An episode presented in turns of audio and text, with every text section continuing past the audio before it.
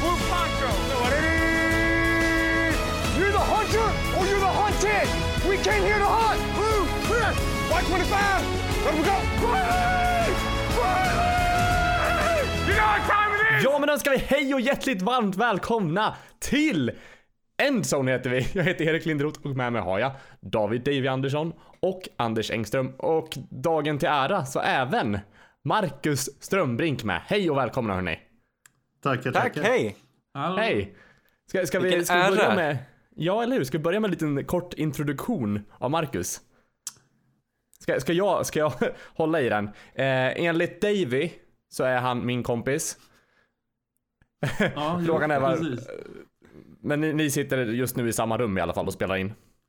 Ja, eh, det är exakt det man vill höra att enligt någon annan säger din kompis. Det känns bra. Marcus, du, du, är, du är snart 30, hur känns det? Eh, ja, alltså. Det är ju trevligt att göra sånt här innan livet tar slut. Det får man ju lov att säga. Så på så sätt väldigt kul att vara här. Då. Ja, du är inne- inne på slutspurten sådär. Ja, exakt. Man, det gäller ju att passa på. Jag har aldrig poddat förut och det är ju någonting man måste göra innan det, innan det tar slut så att säga. Så. Bucket list-grej. Känns det det börjar bära ut för nu. bakåt i tiden nu tillbaks till ett 18 kvav- kvadratmeter stort rum och spela in ett hobbyprojekt obetalt. Ja men eh, verkligen, jag sa det. De här korridorerna brukade man ju liksom komma till förut när man hade massa polare som pluggade fortfarande och så. Eh, så det är ju skönt att vara här bland ett gäng junisar. Men, men lite ko- kort om eh, du och din eh, NFL-resa tänkte jag säga. Nej men, eh, du, du har följt NFL länge. Eh, jag har väl följt NFL ungefär Ja, länge. Jag väl, eh, förr i tiden så gick ju bara Super Bowl på svensk tv men jag har väl följt Saints eh, till och från sedan eh, 2006-2007. Mm. Eh, och eh, ja, fanintresset växer ju med, med tiden såklart. Och Mm. pikar väl lite när eh, eh, vann Super Bowl där. Eh, sen Mm. så kan jag säga anledningen till att jag sitter här är för att vi man var ju ensamt Saints-fan fram tills eh, The Minnesota Miracle hände. Eh, och Ja. Då hittade man eh, vänner i misären liksom. Ja men exakt, det var ju lite så. Det, ja, hela anledningen varför du är med här idag är för att vi egentligen började träffas, eh, eller eh, prata efter katastrofen. Ja, Det ska Ja. väl sägas att eh, Marcus kan vara Sveriges mest välinformerade Saints-fan. Det är inte illa pinkat. Nej, det tror jag nog han är faktiskt. Det Tackar, sätter- tackar, tackar, sätter inte alls ribban högt för mig. Det känns bra. Inga förväntningar alltså. Härligt. Eh, men frågan är om vi har en hel del att, beta igenom eh, NFL-mässigt. Jag tänker att vi, vi, vi känner dig nu Marcus, så vi behöver inte gå djupare in på det här. Det Eh, kommer naturligt under inspelningen annars. ja, jag antar Men jag har det. en fråga, jag har en fråga. Ja. Favorit fikabröd? Kaka, bulle? Vad brukar du ha Jag till var, kaffet? jag var så inställd på att den här frågan skulle komma så jag har faktiskt gått och tänkt på den. Eh, gifflar. så, Ja. rätt. Rätt svar. Gifflar bra. påse eller brukar du baka eget? Jag har, inte nog bak- jag har nog inte bakat sedan jag var åtta. Förutom typ pepparkakor på julen. Men du bakar väl bröd till mat och sånt? Du är duktig på att laga mat, tänker jag. Jag är duktig på att laga mat, jag är inte duktig på att baka. Är det Bröd är väl mat? Skillnad på bakning och matlagning. Men baka bröd, hallå? Det, det är väl mat? Eller? Vadå? Jag vet Baka inte. bröd? Ja, en limpa liksom. Det är inte mat. Det är att baka. Det är sånt man Ja. går ner till bageriet, tänker jag. Exakt. Men eh, är det någon som någonsin har ätit en giffel som inte var ur en påse? Det är inte själva grejen med en giffel att de är från, att det heter gifflar och att de ligger i Ja, påsen. men det kanske är pågens varumärke det här gifflar. Ja, det är inte omöjligt alltså. Det här får vi ta reda på. Annars kallas det väl bara för kanelbulle liksom, eller? Ja, men det är ju små bullar, små, läng- små snittar. Men jag tänkte också det här, vi kanske ska knyta ihop lite det här vi pratade om förra veckan, lite felsägningar vi gjorde. Eh, Marcus reagerade ganska starkt på mitt New York ligger inte i New York. Nej, det gör det. Det gör det. Det gör det. Geografikunskapen eh, sådär hos Ja, Erik. jag tar på mig den. Sen, sen Dave gjorde en liten felsägning där också. Vill du? Ah, Be om ja, ursäkt. Jag får väl krypa till korset där att, ja Anders, det heter stift. Det som var indelat på kyrkor. Som vanligt går jag med heden i behåll ur detta. Ja, inte jag. Vi eh, pratar väl lite nyheter då kanske, eh, NFL-mässigt. Ja, vi brukar nämna eh, saker som eh, härrör den nationella fotbollsligan. Eh, Innan förresten, jag har en till fråga. Alltså. Kom jag på. Jag, jag får ta tillbaka här. När, när ni träffades, jag var- blev lite nyfiken här. När ni träffades, när Davy kom och öppnade dörren. Blev, hur, hur stelt var det då? Blev det en kram eller blev det en Klart, klart, det, handskak? klart det blir en kram. Vi har suttit klockan tre på morgonen och kollat fotboll tillsammans. Ja, två ja. gånger dessutom. Ja, Det är alltså, Precis. Har man en sån relation då, jag vet inte om det kommer djupare än så egentligen. Ja, ja, men jag Nej. menar ju det. Det, det säger kram lite kändes mer inte- om dig Erik, att du förutsätter att jag ska ha vinkat på något halv-awkward sätt. Och knappt Ja men det är väl, upp det är väl så mycket du det kan bli, tänkte jag säga. Nej, vi hade hoppats på en kindpuss. Det italienska sättet. Det blir när vi säger farväl senare ikväll. Ja, ja, precis. Fox and the Badger och kindpussar. Hinner jag med en liten iakttagelse eller? Lika bra. Ja, absolut, ta din iakttagelse. Vi kommer ju ingen vart men fortsätt. Jag var och klippte mig då. Ja. Eh, och så hos frisören finns det ju alltid sån skvallerblaska vid spegeln. Ja. Jag, så jag läste lite den, bläddrade i Hänt Extra. Det var inte Svensk Dam, det var Hänt Extra. Eller Hänt i veckan heter det kanske. Men jag insåg att eh, kanske 30% handlar om kungafamiljen och kändisar och senaste skvallret. 70% handlar om gamla svenska föredettingar och deras krämpor och sjukdomar. ja. Ja, det är rätt intressant. någon- Så idag har jag lärt mig... Var jo, Nittmo men, med eh, eller? Nej. Nittmo såg jag inget om. Christer. Ulfbåge, han har problem med hjärtat. Peter Harrison, svår artros. Och Ja. den mest intressanta tyckte jag var Linda Lampenius har familjär hyperkolesterolemi. Är det en anatomibok det- eller? eller? Nej, jag vet inte, men det är sånt här man, alltså jag har aldrig tittat i de här tidningarna, men jag har alltid varit nyfiken. Så det, jag tycker Ja. ändå man får valuta för sina pengar. På, i vissa, på vissa håll kan det vara lite dyrt att gå till frisören. Men passa på då och sträckläs de här skvallerblaskorna, för då, då får ni liksom eh, det mesta ur det ni betalar. Då kan man må bra av att man är ju frisk mer också. Jag tänker på det, alltså det här är ju ett genidrag. Ja, jag menar, vilka läser de här? Det är ju pensionärer, nästan exklusivt. Och en tr- uttråkad Anders på frisören. Men jag menar, vad gillar pensionärer att göra? Ja, men prata om sina krämpor och sånt. Ja. Det här är ju liksom ett sätt för dem att bonda med det, ja, kändisar. Om de Jag tror- är B eller C. Undrar hur de får reda på, jag tänker att eh, journalisterna på tidningen, de ringer upp svenska B-kändisar och frågar om de är sjuka. För annars hade de aldrig fått reda på det. Ja men typ ringer upp Peter Harrison, hej hur mår du? Nej, jag lägger på sjukhuset. Oh, har du? Ja, den känner att reaktionen. pennorna bara börjar rassla då. Kan, kan, det Precis. inte, kan det inte vara så liksom som vissa tidningar har ju utsända som sitter i tingsrätten hela dagarna för att kolla om det kommer något intressant. Sitter de utanför något sjukhus då och väntar på att det ska komma en kändis? Vårdcentralen. Vilket underbart liv. vårdcentralen i Danderyd sitter de utanför. Dyker på första bästa. Ja. Någon som försöker Nej. hacka journalerna och grejer. Vi pratar NFL nu, kom igen, vi släpper det här. Eh, nyheter, det händer så mycket i Free Agency nu. Eh, spelare som byter lag så man blir helt, man häng- hänger ju inte med längre. Ja, det är den men tiden på året. Näst bästa säsongen, off-season. Ja, just det. Ja, just det. Uh, ska, vi, ska vi börja med dem? Vi, vi diskuterar lite, vi kan inte hinna med alla i det här avsnittet, så vi tar några som vi tycker sticker ut lite. Eh, Antonio Brown, Brown har hittat en ny klubb i, Ja. i Raiders. Spontana tankar. Eh, kul för honom. Men Raiders. stackars, stackars, kul för Raiders också. Jag tycker det är helt, jag tycker det är klockrent. Jag tror de är väldigt glada för att få Antonio Brown. Jag menar, bara marknadsföringsmässigt och sen när de ska byta stad, det är klart, de får ju, de får ju den bästa, en av de bästa spelarna i ligan. Mm. Det sätter ju, sätter ju en intressant standard framöver. För det är väl egentligen det är intressant att man verkligen kan bojkotta sitt eget lag så och sen få exakt det man vill ha. Alltså ett jättekontrakt med garanterade pengar. Precis, Ja. Jag tänkte precis nämna det. Det är helt sjukt att alla drev om hans egen tilltänkta smeknamn Mr Ja. Big Chest. Och sen går Mr Big Chest ut och löser precis det han vill ha och i stort sett håller en hel organisation gissla. Det är faktiskt hans- helt sjukt. Han fick det precis dit han ville. Fast å andra sidan, jag tror inte det är så många spelare som kan göra på det här sättet heller. Nej, och det fanns ju inte jättemånga lag som kunde, eh, kunde ge han det han ville ha heller antar jag. Nej, det var sjukt att det lyckades. Det, det var ju ändå en chansning. Men stämmer det det här? Det var alltså snack först om att han skulle till Bills Och så klev han ut och sa fake news och så visade det sig att han inte alls skulle till Bills. Men var det för att han inte ville dit? Tror ni det? Jag tror nog att det var det. Det finns väl en gammal story om att det var eh, Terrell Owens gjorde lite samma sak med Baltimore Ravens back in the days. Att de ringde och sa att vi har tradat för dig nu och han sa nej, då tänker inte jag dyka upp. Och så gick han till Eagles istället.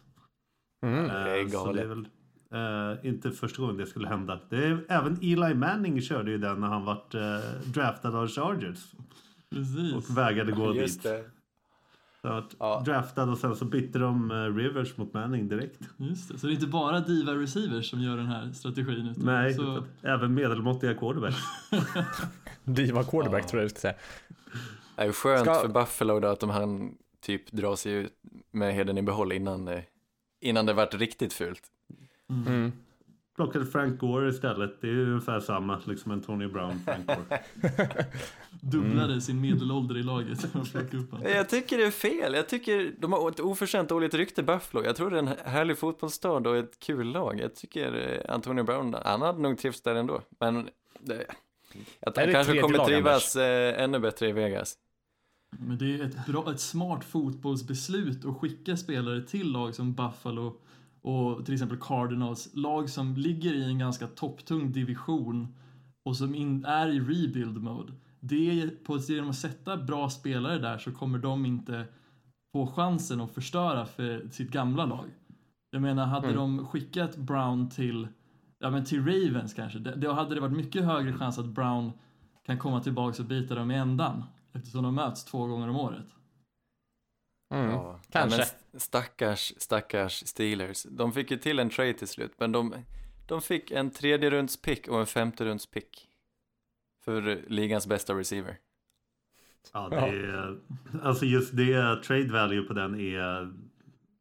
Jag vart ju chockad över hur oerhört lågt det var. Jag tänkte åtminstone en första runda. Speciellt, när, det, speciellt när de uppenbarligen förhandlat med Raiders som har tre första picks att ge upp. Jag menar, det är inte som att de sitter och har ont om picks att spendera.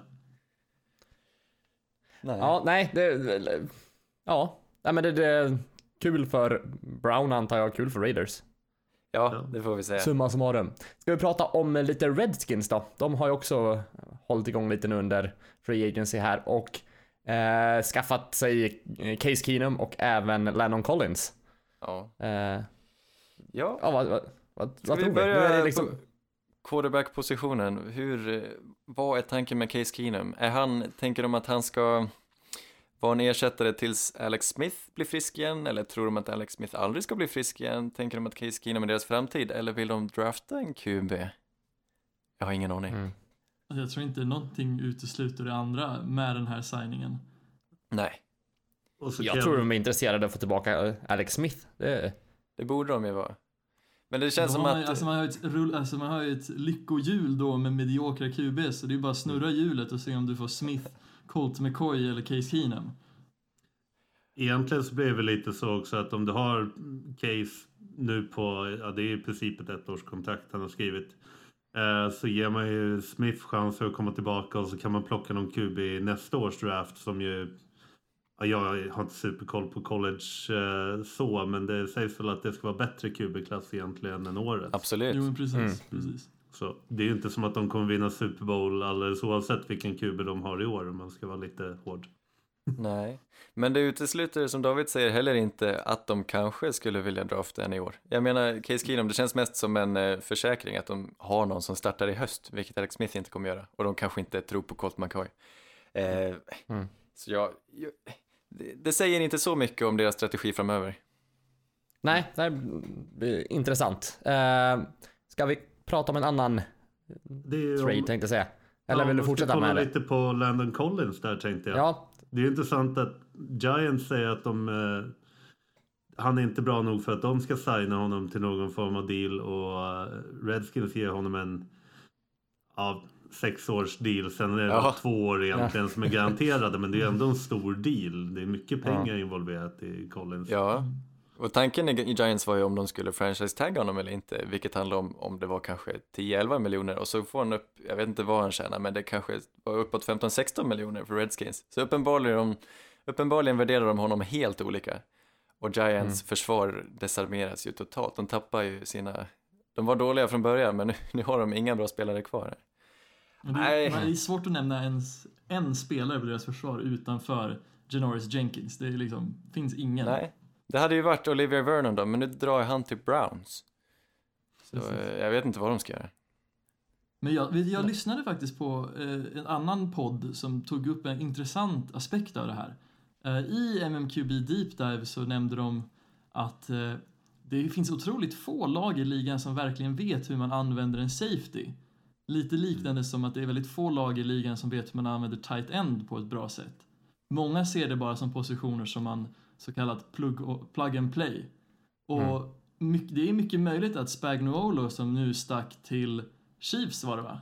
Ja, Att han var den som hade koll på hela det här safety-konceptet och nu när de tagit in en annan DC så är inte safety-positionen lika värderad längre och då släpper man de här högprofilnamnen på safety. Mm. Ja, Ja, det är ju hur många safety som helst tillgängliga och nu i... eh, Spagnolo får, eh, han, fick, han får Tyrann Matthew att leka med istället. Ja men så kanske det är. Det är ju, safety-rollen utvecklas ju mer och mer. Jag tycker många av de som draftas väldigt högt, det är ju sådana som kan göra, de är lite allt i allo på något sätt. De är liksom nästan en linebacker, men de är nästan en slot corner, men de är också nästan en strong safety. Och så ska de kunna täcka bra också längre bak i fältet. Så det är en, eh, det är en häftig position. Mm. Ska vi gå vidare? Foles till Jaguars. Ja, Nick Foles. Ja, extremt väntat. Det säga, mest väntade Ja. i hela, hela Free Ja. Agency. ja men det var väl lite så. Eh, ja, tidsfråga. Jag vet inte vad, man- vad man ska tillägga om det. Vad, vad, vad tror vi om Pengarna. Jaguars nästa säsong då? Stämmer det alltså att det är 88 miljoner garanterat till Foles och så hörde jag att det kunde gå upp till Är det så mycket? närmare alltså? 100 med eh, incentiv och sådana grejer. Jag, vet, jag hörde också siffran 88. Ja, Eh, Det är Hur många makalöst. år är det då? Fyra, fem då? Typ. över fyra fyra. år. Och det Ja. Det är sjukt men vad det- de... är- Nej, pratar du Marcus? Ja, lite, lite när man kollar på alltså Nick Foles och hans värde så pratar man ju på riktigt om fem matcher. Mm. Max. Alltså vi pratar, vi pratar tre matcher i förra årets playoff. Han hade ju dessutom en- alltså en dålig match i förra årets playoff. Och så hade Ja. han två, ja, en riktigt bra och en halvdan i årets playoff. Det är egentligen det som är Nick Foles. Det är fem matcher. Ja. Han presterar ju ändå när det behövs på något sätt. ja. Kan man väl ändå ge honom. Det känns som en sån jävla YOLO-satsning med att han egentligen går till ett system som har väldigt mycket osäkerheter kring sig trots att folk säger att det finns en historia mellan han och Di Filippo men det kändes ganska klart förra året att det som gjorde Eagles bra för förra året då var ju verkligen Doug Peterson och Frank Reich på OC-positionen som var det, liksom, de offensiva hjärnorna bakom det här. Di Filippo att han skulle kunna styra upp Foles karriär och samtidigt då rädda sin egen, det är högst tveksamt enligt mig. Ja, Ja. det är inte som att Jaguar sitter inne på några liksom, genier på den offensiva coachingsidan. Eh, Doug Marone är väl inte känd för att vara världens bästa offensiva coach. även Jag tror att det är det Nej. som är hans styrka. Mm. Men nu, är det Di Filippo som är offensive coordinator där då? Eller han Precis. QB-coach? Nej, han är offensive coordinator. Men, Mm. ja det är märkligt. Jag gissar att de, de lär väl försöka bygga anfallet runt eh, Nick Foles styrkor här då på något sätt. Han är ju ändå, när han är som bäst, så han är ju väldigt kvick och han tar ju bra beslut, han har inga nerver. Så det går säkert att få ut det av honom. Men frågan är om man kan göra samma sak i Jacksonville som man gjorde i Philadelphia. Och för de här pengarna, det sjuka är ju, nu fick han ett extremt bra eh, liksom QB-kontrakt, topp QB-kontrakt och ändå hade de ingen att buda mot liksom. Det var ju ingen annan intressent. Hur fick han, varför fick han så mycket Mm. pengar? Men det är väl kanske den svalaste QB-marknaden på flera år egentligen. Eh, Ja, Förutom de lag som antingen haft Blake Bortles eller åkt på någon ruskig skada så är det inte så många som... Det är ju, Mm. även, även i draften så är det, det är ju inte jättemånga lag som har ett panikbehov eh, behov av en QB. Precis. Nej, det är lite Och det, backup och hitta nästa bakom liksom. Som, det känns som att de flesta hade löst det och Jacksonville behövde, liksom då, han var ju redan kopplad till Jacksonville. Så de hade ju inte behövt punga ut så här mycket menar jag. Om, eh, det, inte, om det inte fanns någon annan intressent. Ja. Frågan är om det inte Nej. kommer ut om några dagar att det var något annat lag som gick ut och la ett bud bara för att driva upp Jacksonvilles pengar. Mm. Det var Ja, väl lite det inte? som, eh, Mm. Som Vikings försökte med Drew Brees. Att de, de ringde ett samtal. Bara för att visa att det var något lag som var intresser, mer som var intresserade. Colts kanske gjorde det. Ja, eller hur? Och sabba i divisionen. Ja, vem vet. Ja, eh, ska vi gå vidare tänkte jag säga. Eh, Prata lite bara om, om Ravens i hela deras, det är deras free agency, deras defense nu. Eh, vad, vad, vad, vad tänker man där? Är det panik i klubben? Ehm, ja, vi kan väl, vad är det som har hänt? De släpper Safety Eric Weddle, de släpper Terrell Sachs, den gamla legendaren, de släpper även CJ Mosley, deras mest namnkunniga linebacker, och de släpper Sadarius Smith på edge-positionen. Eh, de måste, det lutar ju åt att de håller på att frigöra pengar åt någon större signing, eller vad, vad, vad är det som händer? Det är alltid Mm. svårt med Ravens för alltså det här är ju precis som man skulle säga att nästan hela Patriots är definierat av sin scheme så skulle jag ändå vilja påstå att Ravens är helt och hållet definierat av sitt defensiva scheme. Eller i alla fall på den defensiva, defensiva sidan av bollen. Och det är därför som det här är ju gamla spelare som man kanske inte alltid känner är värt pengarna när det finns så länge det finns unga spelare bakom som är kapabla att förstå sin roll i schemet så borde det inte vara ett alltför stort steg ner. Men ja. Har de så pass djup ändå i laget redan nu, eller hur? Ja, alltså om man inte annat så kanske de har valt att gå en annan ändring i fokus. Eh, De har ju gjort sig av med både en linebacker och en safety nu. Men jag skulle ändå säga att deras corners är fortfarande en väldigt stor styrka med Jimmy Smith och eh, Marlon Humphrey som spelade bra förra året. Och sen tycker jag ändå att de, har, de är ju ett lag som är väldigt, väldigt stabila. Alltså, nu säger jag det, men de är väldigt jämna defensivt sett. Och det är ju verkligen, alltså det, det Ravens gör duktigt är att de är väldigt, väldigt svåra att förutspå vad de ska göra innan bollen snappas. De är väldigt Ja, suddiga i sin uppställning om man säger så. Och då tror jag att man kan kompensera för mindre talangfulla eller mindre atletiska spelare då. Fast det gäller ju att ha någon som kan koordinera den här suddigheten och få alla att verkligen luras på det sättet. Jag har inte liksom, CJ Mosley, han är middle linebacker, det är inte han som styr och ställer. Eric Weddle sägs också ha varit eh, väldigt erfaren och duktig på just det. Jag tänker att ska de här unga killarna kunna prestera samma sak? Det gäller ju, det är bra att ha erfarenhet Mm. också, speciellt på försvarssidan. Alltså det är en bra fråga, men alltså det, det lutar ju mot, eller det, det, det tycker det finns tecken på att de har ju sett en safety eller linebacker i draften som de tror de kan plocka upp. Som de tror kan styra försvaret hädanefter. Ja, framförallt alltså linebacker och D-line, det har ni snackat om i tidigare avsnitt också, är ju en väldigt stark draft och om man är så har en så pass stabil och bra fungerande scheme så kanske man tänker att man kan göra sig av med lite dyra veterankontrakt och ta in eh, alltså även tredje, fjärde runder som är råtalanger kanske och plugga in dem på positionen ganska snabbt ändå. Mm. Vad tror ni om att de eh, lösgör pengar för att kanske signa Le'Veon Bell? Vi, säger, vi ska säga det att nu är klockan sju, det här är tisdag kväll eh, och han har fortfarande inte sagt vart han ska gå. Men eh, det, det ryktas om att han ska till Baltimore. Å andra sidan, Bland de kollar annat. på telefonen senaste halvtimmen för det, kan ju ha hänt när som helst. Ja, jag kollade nyss, det har fortfarande inte hänt något. Ja, bra. Mm. Men visst hade han passat där? Jag gillar den tanken. Ja, nej men absolut. Jag, jag skulle tycka det kunde bli ett intressant anfall där i, i, i Ravens. Eh, För de Mm, behöver nej. ju en running back och han känns som ett passande vapen just till Lamar Jackson som kanske inte är den eh, vadå, han är väl en säkraste. running back? Ja, ja, det är sant. Men att ha någon kunna dumpa bollen till liksom och variera sig lite. Ja. Det intressanta med att kolla på Lamar Jackson förra säsongen var att jag tyckte han påminde om Le'Veon Bell när han Ja, jag sprang. tänkte precis säga Så samma. det är ju det är lite så här, ja. Jag vet inte, kan Mm. Bell kasta eller så han kör med dubbel QB, Ah. dubbel Ja. Men, ja, De vet inte vem som är inne på planen. Bell De, är, alltså de, skyld, alltså de vad heter det, uppgifterna. Han kommer ju vilja ha QB-pengar till nästa kontrakt Ja. i så fall. Ah, sant. Å andra sidan så är ju Ravens en, eh, ett lag som eh, har de pengarna att spendera i och med att de nu sitter på billiga kontrakt på sina QBs med rookie, eh, med, i och med att Lamar är en rookie QB. Mm. Mm. Så de Ja, men- skulle ju ha råd att ge honom ett två år garanterat höga pengar. Precis. Mm. De har ju ändå dumpat så många spelare. Jag, någonting behöver de ju ta in. Och då, jag känner ändå att de har ögonen på någonting som vi ännu inte har fått reda på. Mm. Ja men det är nog inte omöjligt att det är Bell vi snackar om här. Uh, men vad, vad säger vi? Ska, vi? ska vi ta ett litet break och hoppa in i våra djupdykningar? Eller har vi något mer att säga om, om, om Free Agency? Nej. Jag har ju en sak som jag skulle vilja ta upp lite allmänt som jag kom på i efterhand så det ber jag om ursäkt Ah. om. Ah, Men eh, eh, hört mycket snack om eh, cap space eh, eh, och så vidare och så såg jag här nu att eh, ja, bland annat så har ju Bears gjort så att de har gjort om en del av Khalil Macks lön till en eh, bonus och på så sätt så dras det inte på capen längre.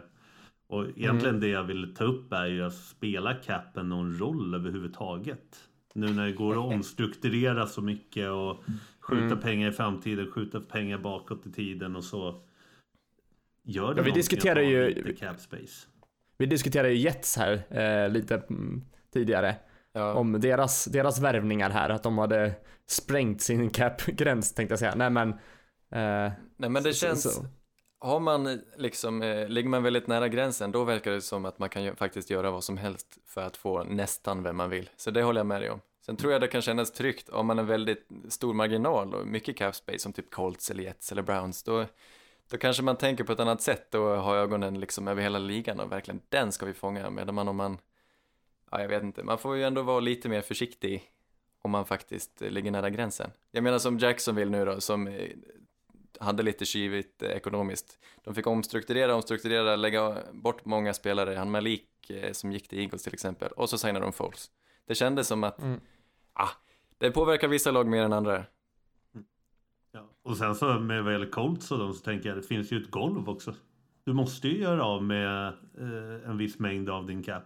Mm. Ja, Men ja. de, de har ju eh, ett... Eh, ja, undrar om inte de är ganska nära det golvet. Sen kommer de säkert värva på nu och lägga någon, eh, ja, lägga om något kontrakt och så det. Det löser sig alltid. Spendera pengar är ju alltid enkelt.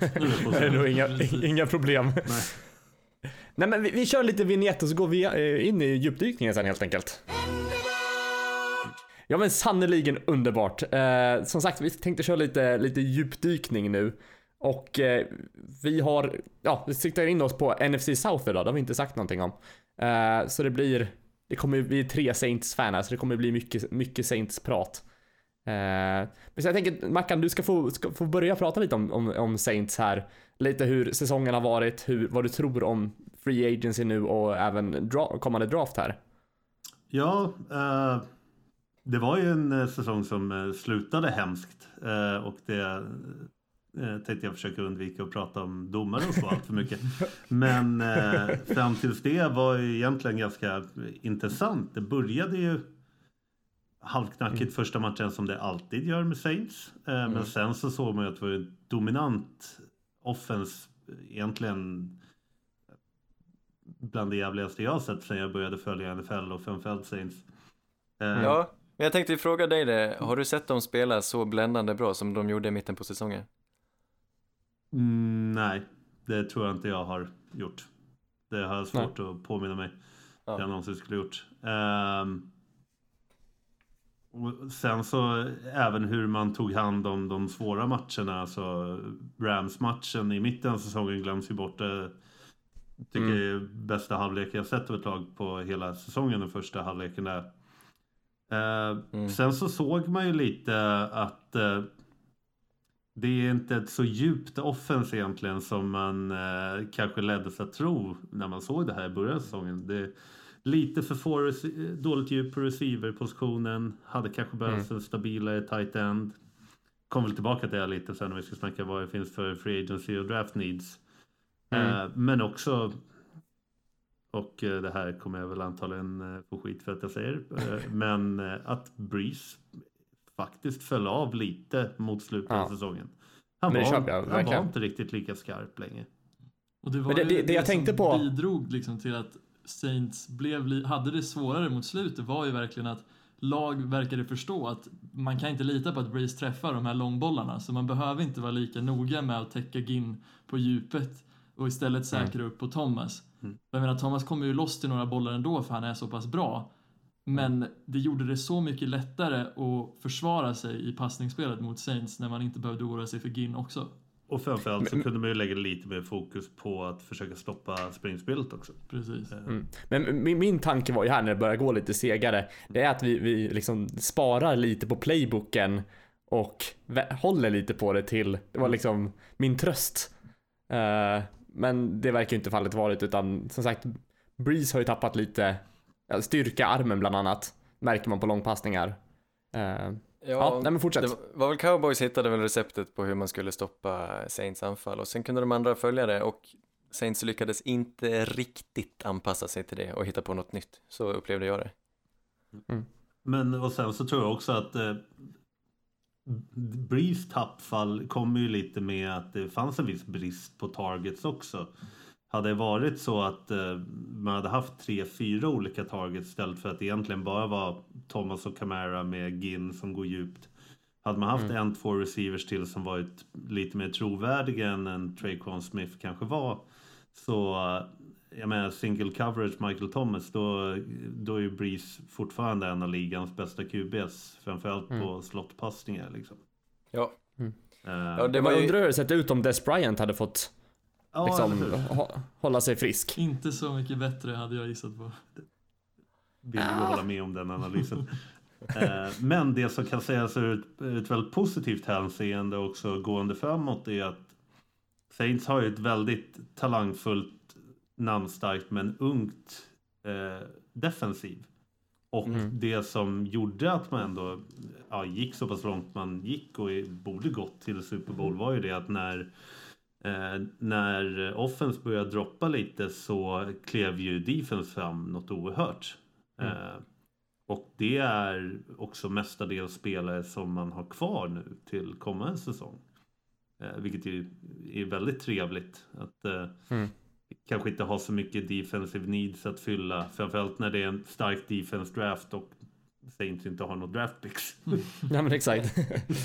Ja, men det var väl lite storyn på slutet av säsongen att Saints försvar fick ju verkligen form och jag tyckte de spelade otroligt bra mot slutet och hade väldigt intressanta liksom blitzpaket och sånt. Mm. Och run defense som, som var- ja, spelar precis. väldigt bra. Ja, exakt. Ehm, och det blir väl egentligen en ganska bra övergång tänker jag till att prata just draft och free agency och vad som behövs eh, Mm. där. då. Eh, Saints har ju, jag var tvungen att skriva ner det för jag ville inte riktigt tro på att det var sant, men det är alltså bara fem picks i hela draften. Det är en Mm. andra runda, en femte runda, nu sa jag fel, det är sex picks. En andra runda, en femte runda och sen är det två sexor och två sjuor.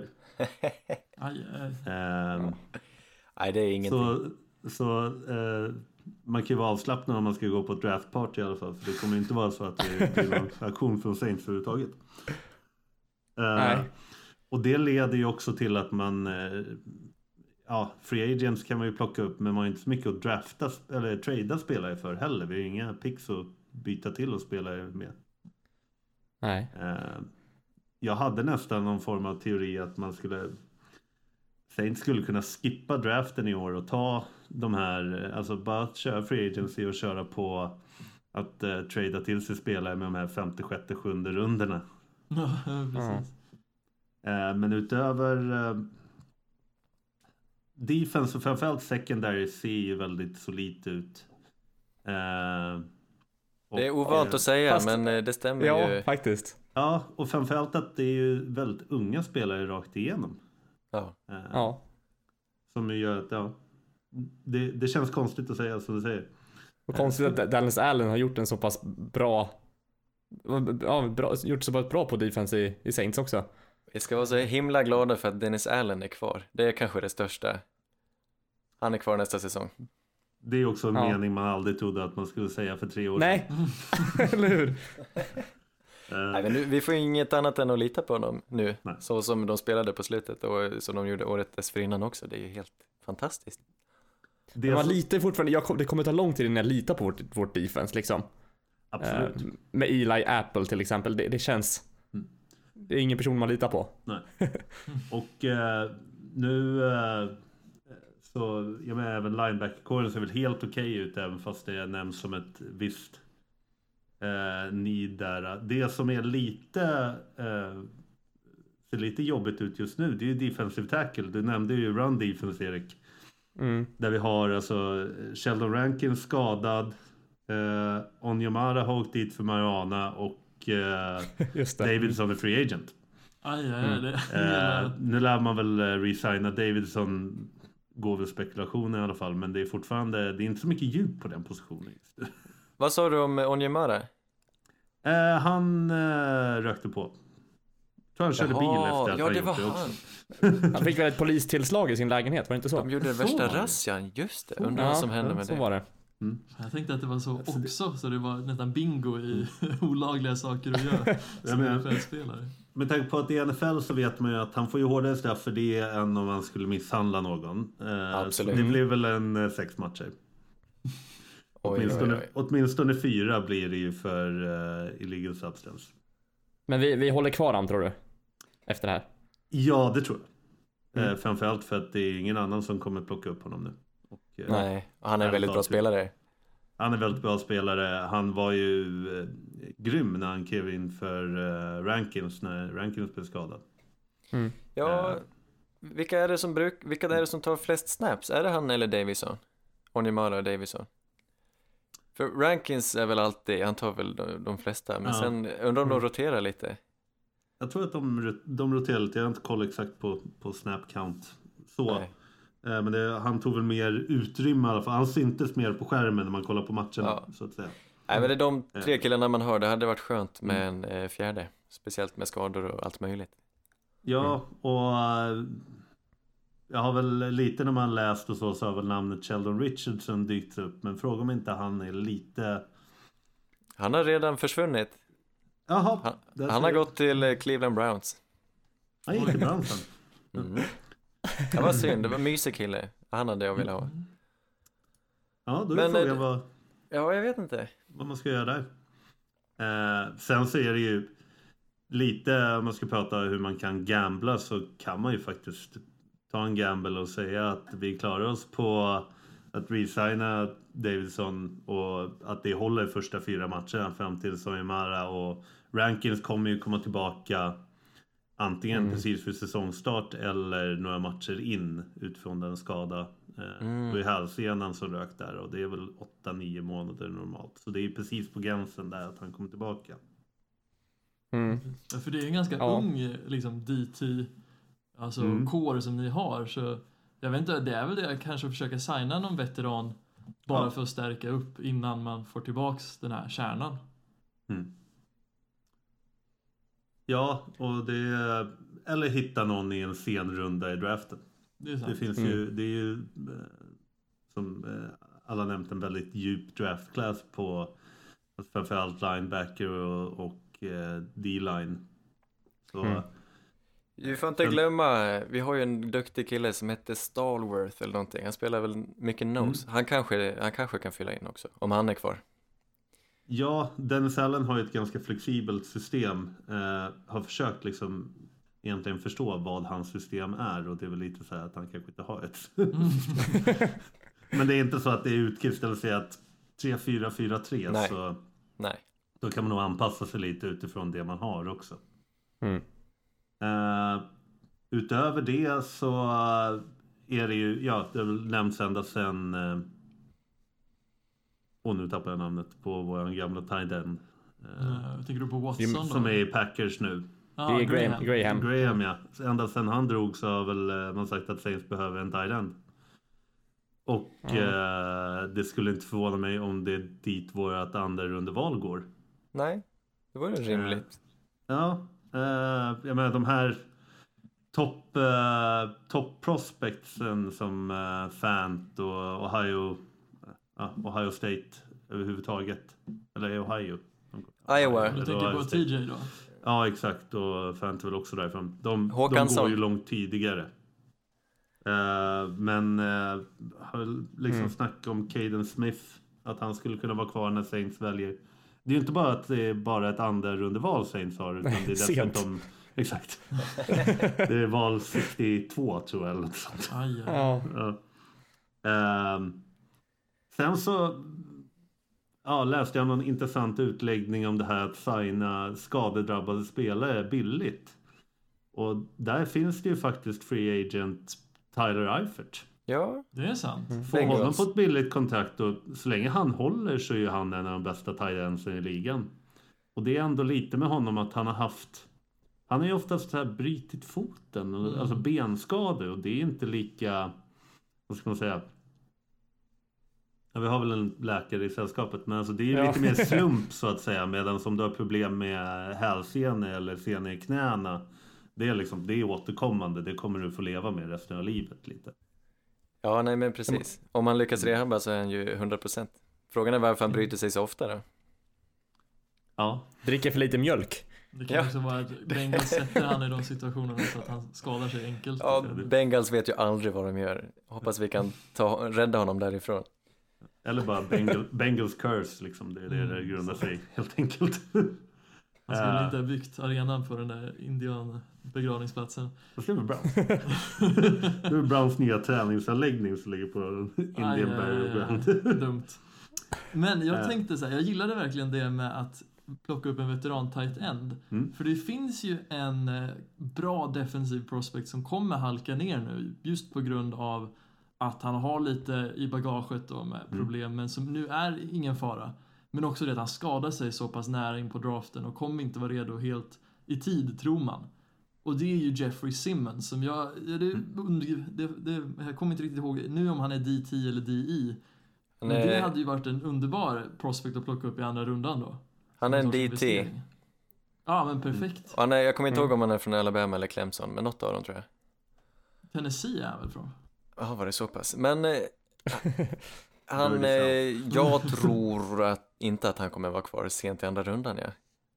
Du tror inte det? Nej, alltså han är så pass bra. Jag menar om han drog korsbanden nu, han kanske är redo mot slutet av säsongen. Jag tror någon vågar kanske satsa på honom, just för framtiden, om han är så pass lovande. Mm, det är sant. Mm. Han är ju Eh, en ja. first round prospect utan skadan liksom. Så. Vi har ju, ja men precis. Sen har vi har ju Browns framför oss som kanske, de gillar ju män som hatar kvinnor. Aj. Men eh, sen är det ju också ett av de mest underbara aspekterna med att vara ett Saints-fan är ju att vi har eh, ligans skönaste headcoach. Han, pra- han pratade en- mycket den gode Peyton och han har ju sagt någonting oerhört intressant här som har slagit upp stort och det är om eh, QB'n Trace McSorley från Penn State. Mm, Att han ser det. honom som den nya Edelman. Alltså att Jaha. eh, han är, ja, det finns, eh, han är QB som eh, väl anses kanske gå i sjätte, sjunde, kanske blir en högt eh, eftertraktad uh, undrafted free agent. Eh, lite dålig armstyrka och så, men tydligen många lag som har snackat om att de kanske vill se honom eh, eh, köra workouts på combine som antingen alltså cornerback eller wide receiver. Just det. Just Ja, det. ja. Ja. Och då är spekulationen att han ska, ja vi gillar ju eh, QBs som inte är QBs utan från olika positioner. Det vore ju någonting magiskt med att ha liksom Breeze, Taysom Hill och en till QB på plan som faktiskt är en begåvad receiver. Det, Ja, just Ja. det. men få Jag får- honom för att ha sjunde runde pick vore ju inte, vore ju bara kul. Nu, Ja, eller? Jag menar Penn State är ju ingen dålig skola heller så. Nej, verkligen inte. Och, li- Men var han startande QB där, eller vad sa ni? Ja, Ja, precis. Ja. och lite är det ju så när man snackar om att Saints har två sjätte runde och två sjunde runde. Alltså, linjen är ju hårfin mellan de som blir valda i sjunde rundan och de som går direkt efter eh, som eh, undrafted free agents eller UDFA. Så Ja. jag tror ju att Saints kommer plocka på sig väldigt många fler än vanligt där och bara köra liksom få mycket camp bodies som man kan testa. Ja, men det är väl rimligt. Mm. Jag, jag tänkte fråga dig, det kom ju fram idag att eh, Teddy verkar vilja fortsätta i Saints. Ja, eh, ja, eller var det ingen annan som ville ha han? Eller vad var det du sa? det är väl lite min teori. jag är rädd för. Eh, med det sagt Men är det så att vi, vi tror på honom så pass mycket att han kommer bli Breeze liksom eh, efterföljare, vad säger man? men- Efterträdare säger man. Jag tror att man ju- får honom så pass billigt att man kan ta chansning på att han kanske kommer tillbaka till den potential han har. Ja men precis. Mm. Det är klart, eh, vi vet ju inte hur länge Breeze spelar, men i värsta fall så slutar han efter det här året och då är det ju skitbra om vi lyckas signa Teddy igen. Och då eventuellt i det fallet, liksom, då har vi någon vi kan testa, någon som ändå har eh, lång erfarenhet i organisationen och som dessutom har startat tidigare. Han spelar väl i Minnesota. Plus att han är supersöt och jätterolig. Ja, för grejen, nu verkar det som att vi förlorar eh, Ingram här också. Eh, som har varit en, en stor profil typ i, dels på planen, han har varit fantastisk vid Mm. stund, stundtals och sen även i omklädningsrummet. Eh, många killar som gillar honom verkar vara väldigt en- pappa i laget som tar hand om alla. Ja, Men jag tror ändå att Teddy är ju också en liten sån person, en liten filur där som, som bjuder på sig själv ja och som, Alla- som är en sån här stämningshöjare. Hans shoppa style dans, den gör ju alla glada liksom. Alla älskar ju. Teddy. Det är skönt att ha någon kvar som ändå kan bjuda oss på lite memes. Ja, men exakt. Och sen så sen är det väl liksom lite dumt att stressa i den situation som Saints är i med, om jag sagt, om jag ska säga emot mig själv att capspace inte spelar någon roll, men ja, ändå ett av de sämre capspacen i ligan i år. Så man måste ju, om inte annat, omstrukturera en del deals för att kunna få någonting, framförallt på QB-positionen. Medan man för 2020 så hade man väl åttonde bäst capspace och dessutom så har man ju då helt plötsligt en ganska normal uppsättning draftpicks också. Ja, just det. Mm. Vad tror vi nu då? I år måste vi ha samma förutsättningar att kämpa om en Super Bowl som förra året. Är det sista chansen? Det känns längre ifrån, jag vet inte. Vi får inte in så mycket nytt, liksom, wow-blod i föreningen. Eh, vi skulle behöva någon, någon, något extra vapen till exempel på, på, på receiver-position. Där vi, vi typ bara har Thomas. Nej, men vi tappar ju inte så många heller. Nej, jag menar det. Men vi, vi saknar fortfarande lite av spetsen där. Ja, det är. Egentligen tror jag om man eh, får in två, tre spelare eller ja, om vi nu eh, hoppas på att Murray till att börja med levererar lite. Eh, om man ersätter Ingram då. ja. Och sen får in någon receiver, någon tight end, eh, någon D-tackle. Och sen så kommer ju allt, allting handlar ju om att hålla sig skadefria. Mm. Eh, om det är lite dåligt djup, så länge man är skadefri så spelar det inte så stor roll. Eh, men men det exakt, får- ä- även wide receiver-positionen, problemet där var ju att eh, ja, men Ginn var skadad i början av säsongen och, då, Mm. eh, och hade väldigt svårt att komma tillbaka från skadan framförallt. Och då såg man ju att det, ja, då exponerades Mm. man ju för det. Ja, men exakt. Sen hade vi Lewis också som, som också inte är toppskiktet liksom. Mm. Och sen Men, så ska man eh, inte glömma bort att eh, Traycon Smith har ju ändå visat att eh, han kan bli någonting väldigt bra och det var ju ändå hans första år förra året så tar han ett steg upp eller två och man får en one-two punch med honom och Michael Thomas kan det ju bli väldigt trevligt helt. Ja, visst. Mm. Plus att nu sitter vi på dubbla agg. Förra säsongen var vi arga efter Minneapolis Miracle. Nu är vi arga efter domarmissen. Alltså vi, bara det kommer ge en extra skjuts. Vi, det är ju Super Bowl eller inget. Det är det som gäller. Det är i alla fall skönt Ja. att ha den inställningen inför en säsong liksom. Nu är det Super Bowl. Men, ska vi, ska, ja, nej vi behöver inte blicka fram. Jag, jag skrev ner det här för, för det var innan vi hade resignat med Teddy. Det var lite hur, hur, hur vi skulle lösa, vi var lite intresserade av, jag nämnde ju Rosen som skulle kunna vara ett alternativ. Eh, nu när vi tänkte att Cardinals kanske vill ha Kyler Murray. Eh, men det verkar väl inte vara aktuellt riktigt. Eh, men Jag vi har skulle inte inte tagit... bli helt chockad om man använder sitt andra rundeval till att plocka Rosen. Om jag ska vara helt ärlig. Jag tror fortfarande att det finns... Jag eh, tror att möjligheten finns fortfarande. Det finns eh, rent eh, om man kollar capmässigt får man eh, alltså Teddy kommer vi få billigt. Rosen sitter på ett rookie-kontrakt. Det finns ingenting som säger att man inte skulle kunna ha Ja då sitter Mm. vi på fyra QBs på rosten men det är väl Mm. Taysom Hill är ju alltid vad han är. Ja, han är- det vet kan ju bara stryka QB på... Stryker positionsbenämningen på honom överhuvudtaget.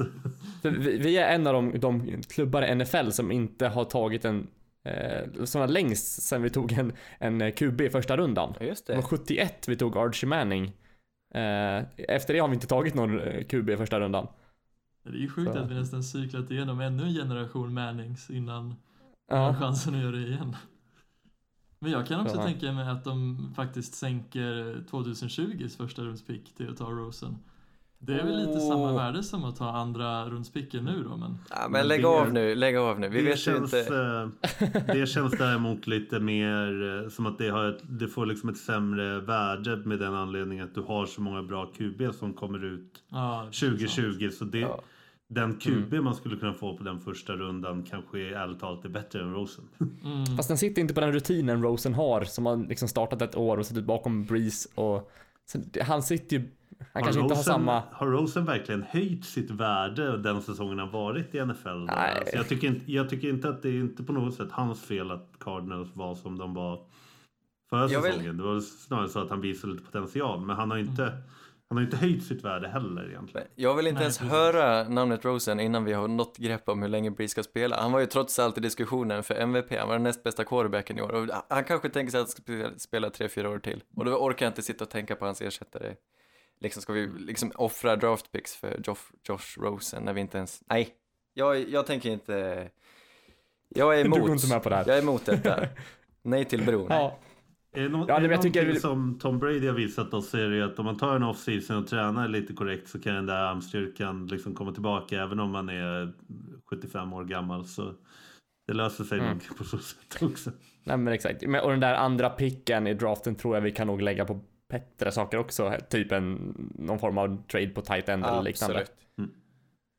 Ska vi släppa djupdykningen i, eller Breeze tänkte jag säga, i Saints och prata lite Bucks Anders? Ja, vi pratar Tampa Bay. Eh, snabb eh, närhistoria. Tampa Bay eh, har ju för inte så pass länge sedan varit ganska, eh, varit ett bra lag. Eh, lite quiz då. De vann en Super Bowl. Det har de gjort. Det har Saints också gjort. Det har varken Falcons eller Panthers gjort. Så det, det gör de här två lagen till något alldeles extra. Eh, vilket, vilken säsong var detta? 2002, John Gruden var head coach. Snyggt. Sen dess eh, har det bara gått, det gick sämre och sämre och sämre och nu har man inte, nu har man inte vunnit en slutspelsmatch på väldigt länge. Eh, men det händer grejer, det bubblar lite alltså. Den, de har röjt ut hela tränarstaben och tagit in eh, gamle gossen Bruce Arians, alltså som en riktig, han är väl en av de mest ansedda tränarna liksom över hela ligan just nu. Vad säger ni om det?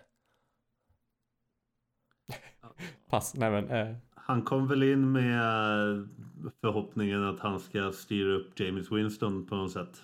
Han är ju en väldigt offensivt uttalad coach, Arians. Ja men Han är väl precis. gammal, eh, gammal eh, offensiv koordinator i Steelers. Om jag Mm. är korrekt. Han har gjort fel på den punkten. Han har gjort lite allt möjligt. Han eh, gjorde under med Arizonas anfall för ett tag sedan. Och han har fått med sig sina polare från Arizona. För han eh, har väl anlitat Todd Bowles till eh, defensive coordinator och, eh, ja nu tappar jag namnet, men även eh, killen från Arizona som ska vara off- offensive coordinator. Alltså, Eh. Du säger någonting intressant där, för jag tror snarare att det, alltså, det är ju där Tampa Bay har underpresterat på defensiven, där de haft väldigt mycket namn men varit ganska dåliga. Och det blir intressant att se vad Todd Bowles kan göra med det. Helt Ja, klart, men- helt klart. Riktigt eh, intressant. Om han ska ändra deras system och vilka spelare han vill ha. Nu har de, vi återkommer till det, men de har tappat eh, väldigt många spelare nu. Eh, men James Winston, detta är året där han ska bevisa att han är deras franchise quarterback. Eh, och nu kommer Bruce Arians in och ska hjälpa honom med detta. Men eh, ja, jag antar att de, de kommer inte drafta någon QB nu, utan nu ger vi James en chans. Och kommer det gå? Vad tror ni? nej, jag vet nej. Inf- Han gör en besviken gång på gång alltså. Inför den här djupdykningen så min stora fråga vad gällde Tampa Bay, varför pratade ingen om att de skulle gå in och ta typ Dwayne Haskins på, de har ju femte picket, de Ja, går ju före. Giants. Jajamän. Alltså, Mm. James har väl varit som allra bäst medelmåttig och som sämst. Alltså han är ju en eh, han är ju en interception-maskin. Mm. Och det är den spelaren i Ja. ligan du hatar mest va, Mackan? Det kan nog vara den spelare i ligan jag hatar absolut mest, ja. Eh, Men det han, det han har är att han stundtals kan glimra till det. Frågan är om man kan stabilisera det här och liksom få bort hans interceptions. För han är ju, jag tycker han är en liksom relativt skicklig passare annars. Han har ett bra öga, så han är en väldigt oskön person. Men eh, jag förstår att de fortfarande på något sätt ser potentialen. Eh, Liksom fyra, fyra år har han Mm. ändå fått. Det är liksom, Ja. Jag tycker om man ska sätta det i relation till det vi pratade om nyss. Att eh, Arizona började shoppa Josh Rosen för att han inte var superbra år ett. Och sen så har det lite att göra med Kyler Murray och så såklart också. Mm. Men, och det är väldigt få spelare i NFL som får fyra år på sig. Ja, det, Inte bara liksom bristande spel utan även i kombination med upprepade avstängningar och eh, att han är lite skadebenägen också. Jag menar, det, det är många boxar som han fyller i för att Ja. kanske inte vara en franchise-QB. Precis, Nej, ett mm. år, det är som att få 17 i blackjack. Jag menar, vad, vad ska man göra? Mm. Det här är ingen bra hand. Nej men precis, säg att han är bra i år, det säger kanske inte så mycket heller, det kanske råkar, det kanske är slumpen då. Jag vill prata om deras wide receiver-grupp. Eh, jag tyckte den här säsongen att Tampa Bay hade den starkaste, bredaste wide receiver-truppen faktiskt. Men eh, nu tappar de folk eh, i Free Agency. Adam Humphries har lämnat, han har gått till Titans. Han har varit eh, lite av en slottkille, någon sån där som man kan dumpa bollen till. Eh, D-Jax, han har gått till Eagles, deras eh, snabba kille som de, vi vet, vi såg det mot Saints i första matchen, han kan, han kan fortfarande straffa folk. Så nu har de kvar Mike Evans som är eh, också en halv, relativt oskön person, men väldigt, väldigt kompetent spelare. Och eh, Chris Godwin som eh, ändå, ung kille, visar lite potential. Eh, så där har de krympit. Kanske får väl, de, de känner väl kanske att de vill omfördela omfördela personalen, men kanske att de behöver fylla på med någon extra där. Så vill jag prata om running backs. Eh, det var helt tomt där alltså. De hade ett av ligans sämsta springspel, vad jag upplevde.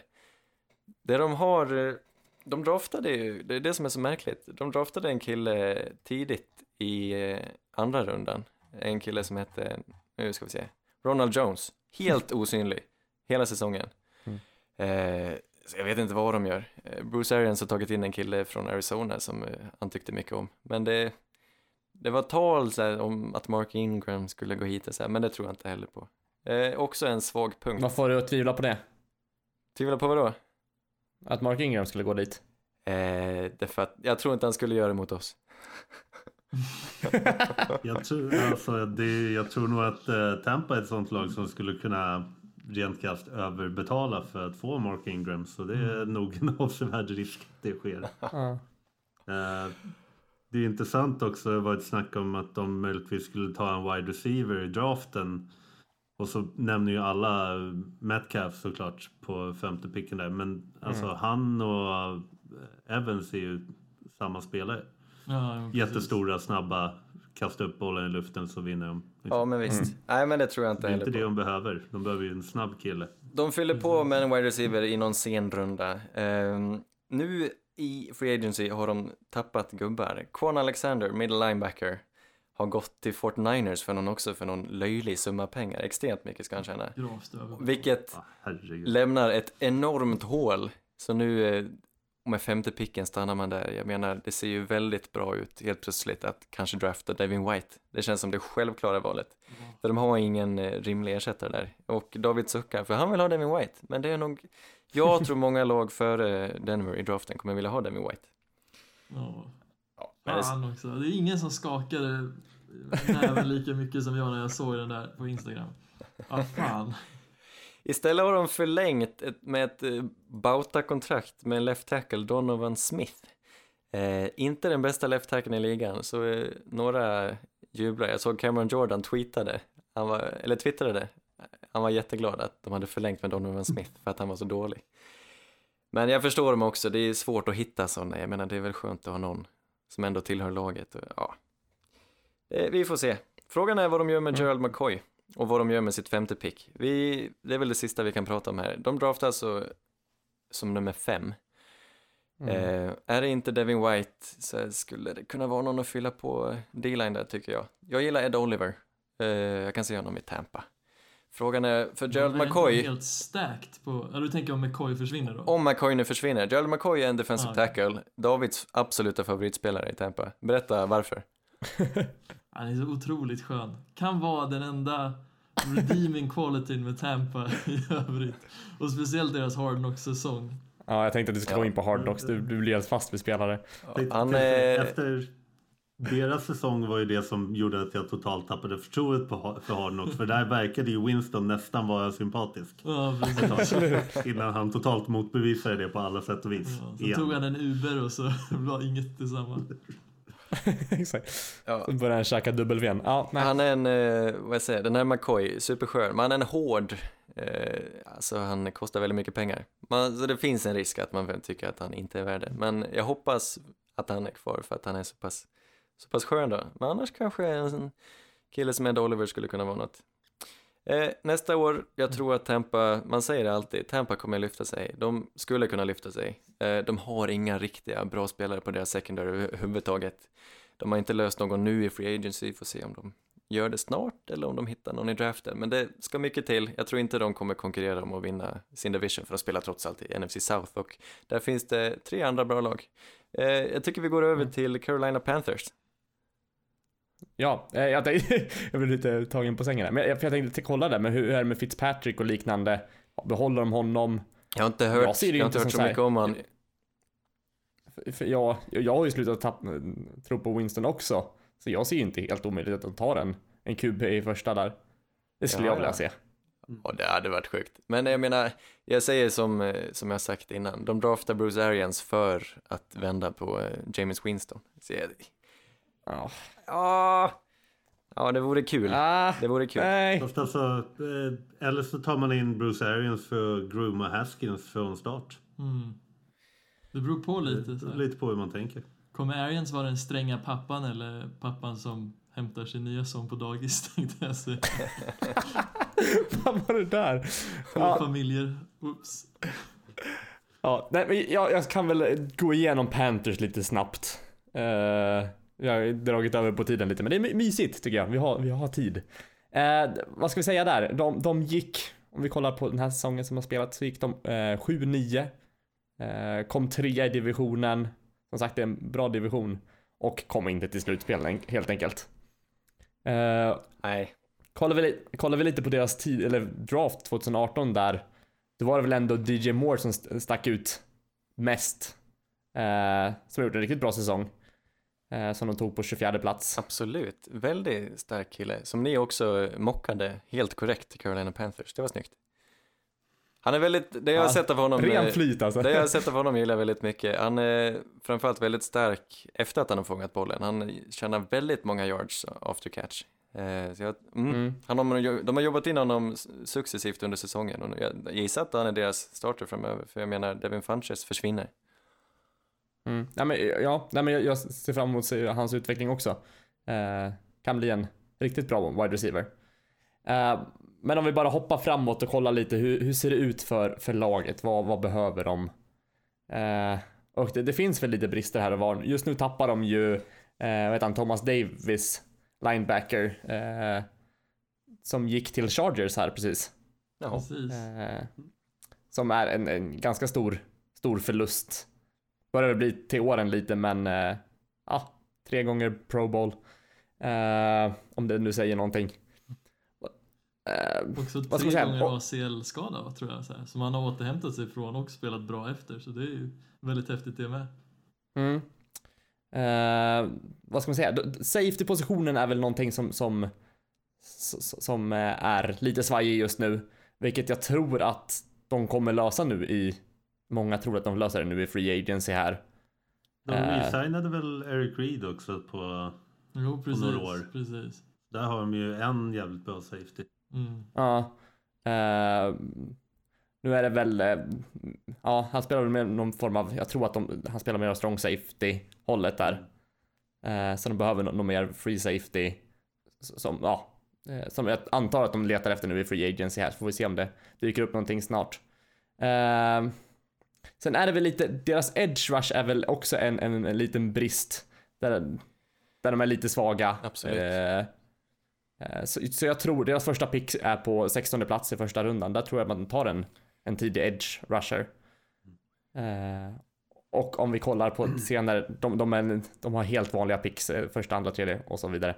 Eh, sen tror jag att det är o-linen de, de stärker, center och eh, tackle-positionen som, Mm. som är liksom det som, eh, ja, som behövs snyggas till lite. Ja, men visst är de en helt... receiver i år igen då? De har ju ganska mycket picks. Men jag, jag tror inte, jag tror att de satsar på, för det första, safety i, i free agency, sen eh, är ju pass rushen Ja. så pass svag så jag tror att man, man lägger den i, i, eh, på första picken. Sen är det just centerpositionen och offensive tackle-positionen är eh, lite shaky. Sen har man ju, jag vet inte om man kan ta en, en receiver lite senare, an, eller ta en receiver i andra rundan i sådana fall, men Nej, men jag håller med Ja. dig Erik. Jag tycker de har större behov att fylla. De har ju väldigt dålig pass rush och edge. För nu försvann Peppers har gått i pension, eller hur var det? oh, det... Ja, men jag tror det var så. Eh, Jo, Mm. precis. Peppers är gone. Den gamla Men, härliga Peppers. Så Det antingen... viktigaste för, för deras kommande säsong är väl hur lagläkaren presterar med Cam Newton egentligen. Precis, Ja. precis. Alltså det känns som det är det det alltid hänger på. Andra axelskadan nu. Jag har Eh, en- Det finns väl, eh, han, eh, det, man säger väl att det ser bättre ut för honom än vad det gjorde när Lack var inne på sin andra axelskada. Mm. Men, Ja, alltså, men eh, det de har sagt, som jag har förstått, är väl att det ska vara löst nu. Eller men att de inte är oroliga åtminstone. För han gjorde en liten en ny operation efter säsongen och de snyggade till lite det som hade läkt dåligt förra gången eller någonting sånt. Eh, så jag tror de tror, de tror, eh, de tror nog att det, ska, att det ska ha löst sig. Jag tror Cam startar. ligan, ligan är ju fylld med exempel på QB som fått några axelskador och sen liksom, de kan ju inte kasta längre. Och det, är- jag menar, Cam Newton är ju väldigt mycket en, eh, en fysisk quarterback. Kanske inte så Mm. mycket liksom som om man kollar på Brady eller Breeze eller liknande som spelar mer med huvudet och är smarta QB så är ju Cam Newton mer beroende av sina fysiska kvaliteter. Mm. Och jag menar, har, fungerar hans arm bara på 70-80 procent då, ja, det, de dippade ju ordentligt i slutet Ja. av säsongen Oh, när ja. hans spel började dippa. Mm. Det var så komiskt för det var ju dels det med Cam Newton men Mm. sen de draftade ju en rookie på cornerback som heter Dante Jackson som spelade sjukt bra de första veckorna. Och sen så Mm. typ i mitten på säsongen så verkar det som att hela ligan bara, hörni grabbar, han är jävligt bra när vi kastar kort, korta passningar framför han. Varför kastar vi inte över han? Och så märker man att han är extremt dålig på långbollarna. Så det var så mycket gratiskast som han släppte till för att Dante Jackson inte kan ta lång, alltså försvara långbollar. Då, eh, ja, då vet vi vad han jobbar på i off-season här i alla fall. Eh, ja, nej men jag, jag vet inte riktigt vad, vad, vad man mer kan säga. Det finns ju massor att säga. Jag tycker inte Eh, de, jag vill att, jag kan också se, om inte rätt edge-kille finns där med första rundan, i mitten på första rundan, varför tar de inte den bästa centern? Bradbury, det tycker jag. Ja, det hade varit klockrent.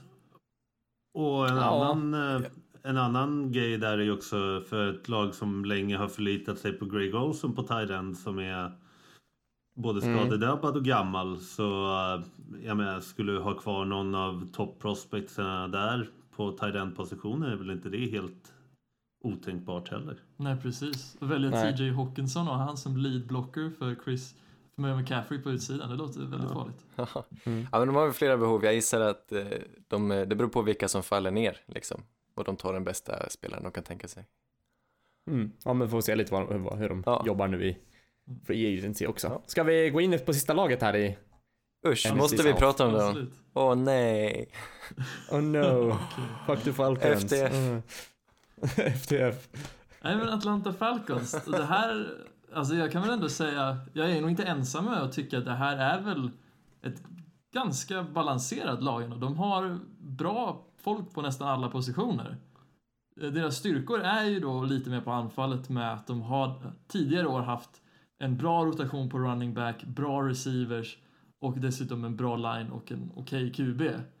Men jag tycker även nu på senare år så har deras defense fått några riktiga pjäser.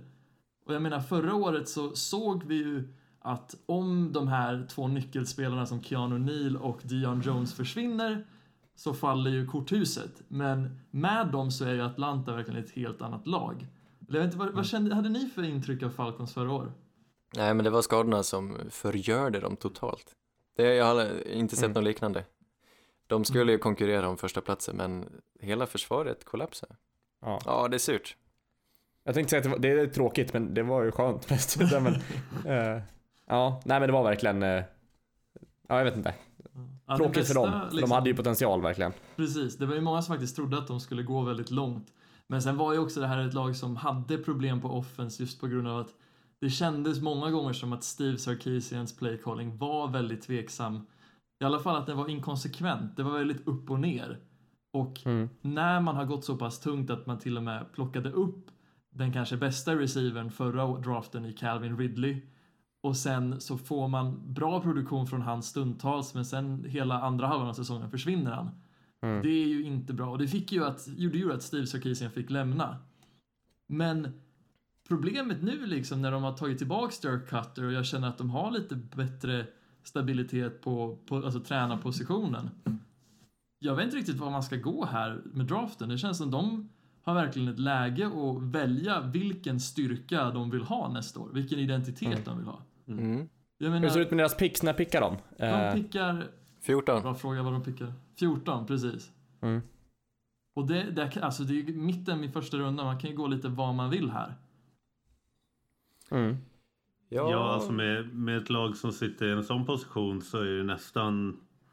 Och med en så, med en så djup framförallt defense draft så är det nästan så att man ska alltså trada ner och plocka på sig två, tre defensiva spelare i början, mitten av andra istället för att gå och picka någonting på plats 14. Ja, för, för det verkar ju som att det, så du säger, det Falcons behöver det är ju, det är bredd. För när en, en, två spelare går ner så faller ju hela laget som ett korthus. Precis, precis. Mm. Jag tänkte Eller- faktiskt något liknande. Jag tänker, men trada ner och sen plocka upp någon corner, för det är någonting som de kommer behöva nu när Alford är borta. De har ju Trufant som är en väldigt duktig första corner. Men sen om de har lite extra picks där i andra, tredje, det är inte omöjligt att de vill plocka upp nästa Tevin Coleman så att säga. Och kanske då, jag skulle tycka det var jävligt kul- att se att de plockar upp David Montgomery som är en running back i draften som är väldigt, väldigt kvick i så här snabba ändringar i riktning. Shifty. Ja, han är lite shifty, om man nu översätter det till svenska. Men sen också verkligen styrka upp guard-positionen som var ett jättestort hål förra året. Mm. Mm. Hur ser deras D-line ut då? Kan de tänka sig i första rundan ta en defensive tackle, defensive end eller hur? Är, det, är de nöjd med sin bredd? Alltså problemet med Falcons D-line är ju att de har unga men inte så bra producerande spelare på edge. Deras bästa pass rusher är ju en inside Ja, defender som är Grady Jarrett då.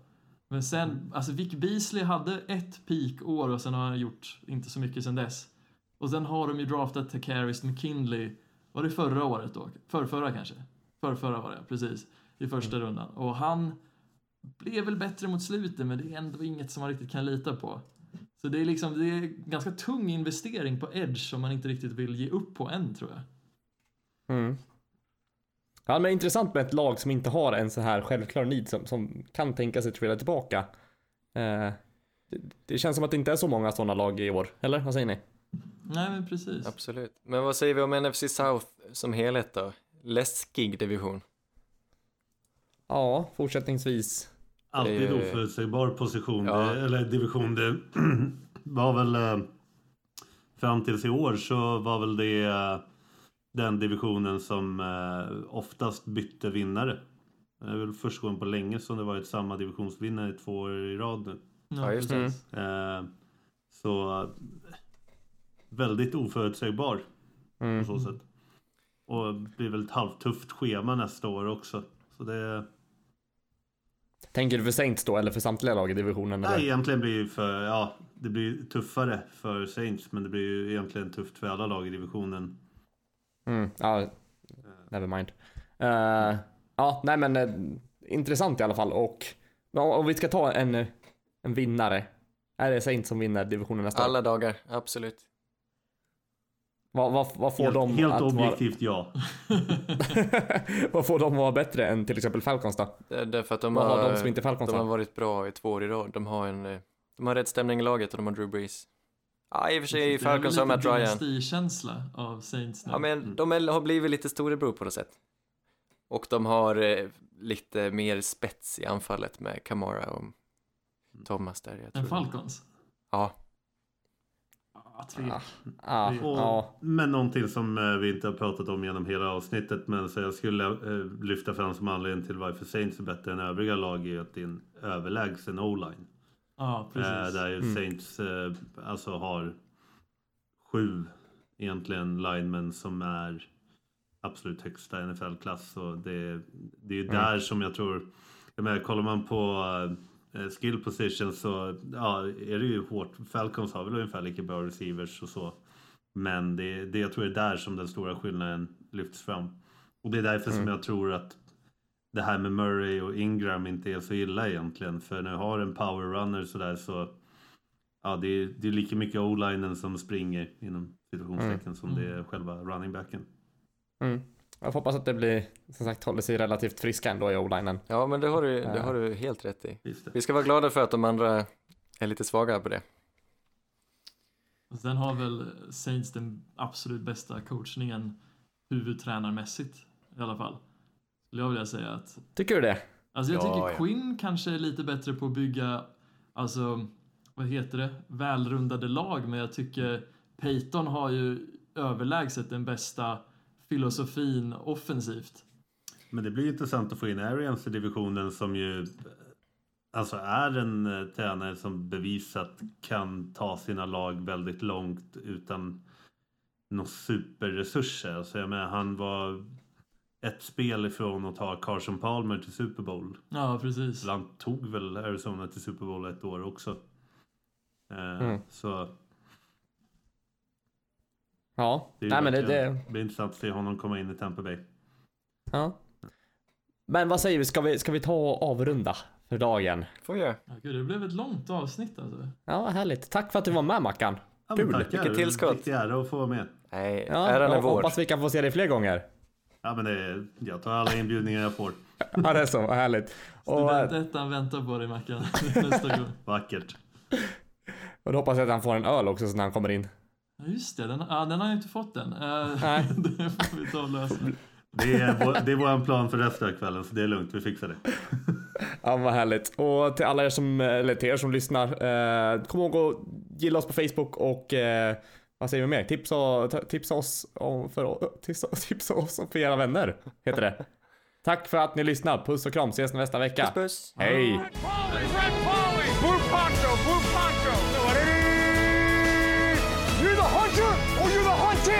We came here to hunt! Blue, clear! Y25! Where we go? Quietly! Quietly! You know what time